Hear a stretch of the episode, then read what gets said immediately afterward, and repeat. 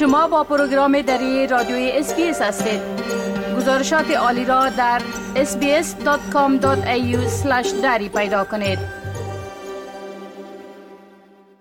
حال با جاوید روستاپور خبرنگار برنامه دری رادیوی SBS برای جنوب آسیا به تماس هستیم که طبق معمول اونا درباره تازه ترین رویدادها در ارتباط به افغانستان گزارش میتن آقای روستاپور سلام عرض می کنم خب گفته شده که حکومت طالبان در افغانستان شمار از طالبای پاکستانی را دستگیر کردن شما در این مورد چی شنیدین؟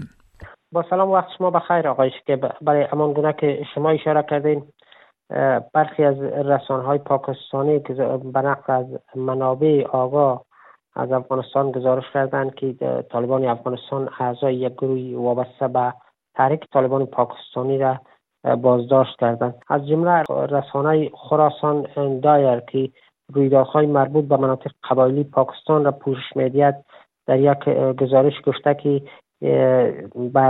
در یک گزارش گفته که افراد بازداشته مربوط اعضای لشکری بلاکند هستند که در ایالت خیبر پختونخوا فعالیت داشتند. این رسانه گفته که این رسانه اصلا جزیات بیشتری در این مورد ارائه نکرده.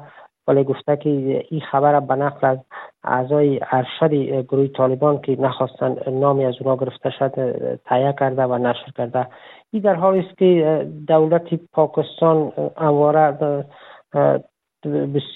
بسیاری از عملات که در پاکستان صورت می‌گیرد تروریستی خوانده می‌خواند و میگه که عملات در افغانستان از طرف طالب پاکستانی طرح ریزی میشن و طالبا را متهم می‌کند که اقدام جدی در برابر طالبان پاکستانی نمی‌کنند و این نخستین مورد است که طالبان افغانستان یک گروهی از طالبان پاکستان را بازداشت می‌کنند. آگاهان و تحلیلگران گفتند که این برمیگرده به اینکه پاکستان فشارهای بر طالبان در اواخر بیشتر ساخته و این مسئله سبب شده که کماکان برخی از اعضای طالبان اقدام کنند در برابر طالبان پاکستانی که در افغانستان فعالیت دارند. بله خب در حالی که روز جهانی مردم دارای معلولیت روز یکشنبه سوم دسامبر برگزار شد. مردم معلول در افغانستان از فقر و بیتوجهی شکایت دارند بله؟ بله این روز در حال فرا رسید که شماری از معلولین در افغانستان گفتند که امواره مورد بیتوجهی قرار داشتند. در گذشته هم چندان توجهی برشان نبود ولی از دو سال به طرف با سختی ها و دشواری های بسیار جدی زندگی می‌کنند. این معلولین شکایت شنی بوده که در حکومت گذشته حداقل پنج هزار ماش داشتن و طالبان. حالا این ماش به سه هزار و دو هزار کاهش دادن و شمارشان هم گفتن که پس از یکی دو دوره که معاش اندکی هم دریافت کردن بعدا دوباره که مراجعه کردن نامی از اینا از فهرست افراد دارای معلولیت کشیده شده و تا مدت که هیچ درآمدی ندارن.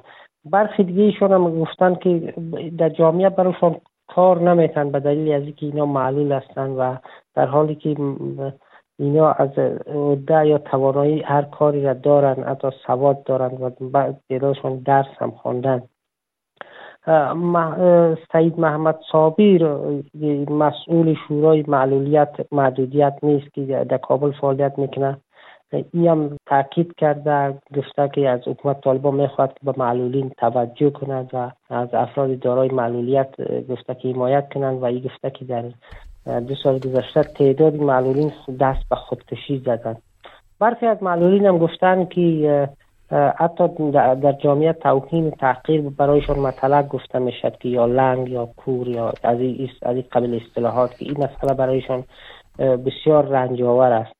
این در حال است که کمیته صلیب سرخ افغانستان در یک گزارش گفته که در حال حاضر حدود 4.4 میلیون تن در افغانستان دچار انواع معلولیت هایی هستند که بیشتر از 90 درصدشان در پی جنگ های چهار دهه آخر یا یکی از اعضای بدن خود را از دست دادند.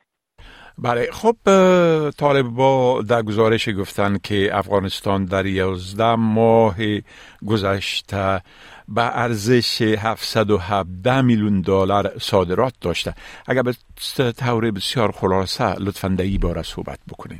برای دفتری معاونت اقتصادی رئیس الوزرای طالبان گفته که در 11 ماه گذشته به ارزش 717 میلیون دلار یا کالا صادر کردن و گفته که این یک گام بسیار بی سابقه خونده که 76 درصد اقلام صادراتی افغانستان گفته شامل میوه تازه خشک و زغال سنگ و زعفران سبزیجات و صنایع دستی و قالین بوده. و گفته این دفتر 97 درصد این کالای صادراتی افغانستان به ده کشور که شامل عراق و پاکستان و عربستان و برخی کشورهای دیگه میشن گفته که صادر میشه و نسبت به حکومت پیشین گفته افزایش هم داشته و در حال افزایش است. این وزارت این وزارت صنعت تجارت طالبان پیش از این اعلام کرده بود که در جریان یک سال یک سال گذشته به ارزش دو میلیارد دلار آمریکایی اینا صادرات داشتن. این مثلا تناقض را نشان می‌دهد و این موضوع هم سوالاتی را در با ویژه در شبکه اجتماعی به بار آورده که این یک آمار منظم و مشخص نیست. ولی طالبان تاکید کردن که روابطشون و بیشتر کشورها در حال بهتر شدن است و صادرات در حال صادرات افغانستان در آینده افزایش چشمگیر خواهد داشت. بله خب بسیار تشکر آقای روستاپور از این معلوماتتان و فعلا شما را به خدا می سپارم و روز خوش برتان آرزو می کنم وقت شما هم خوش خدا نگهدارتان می خواهید این گونه گزارش ها را بیشتر بشنوید؟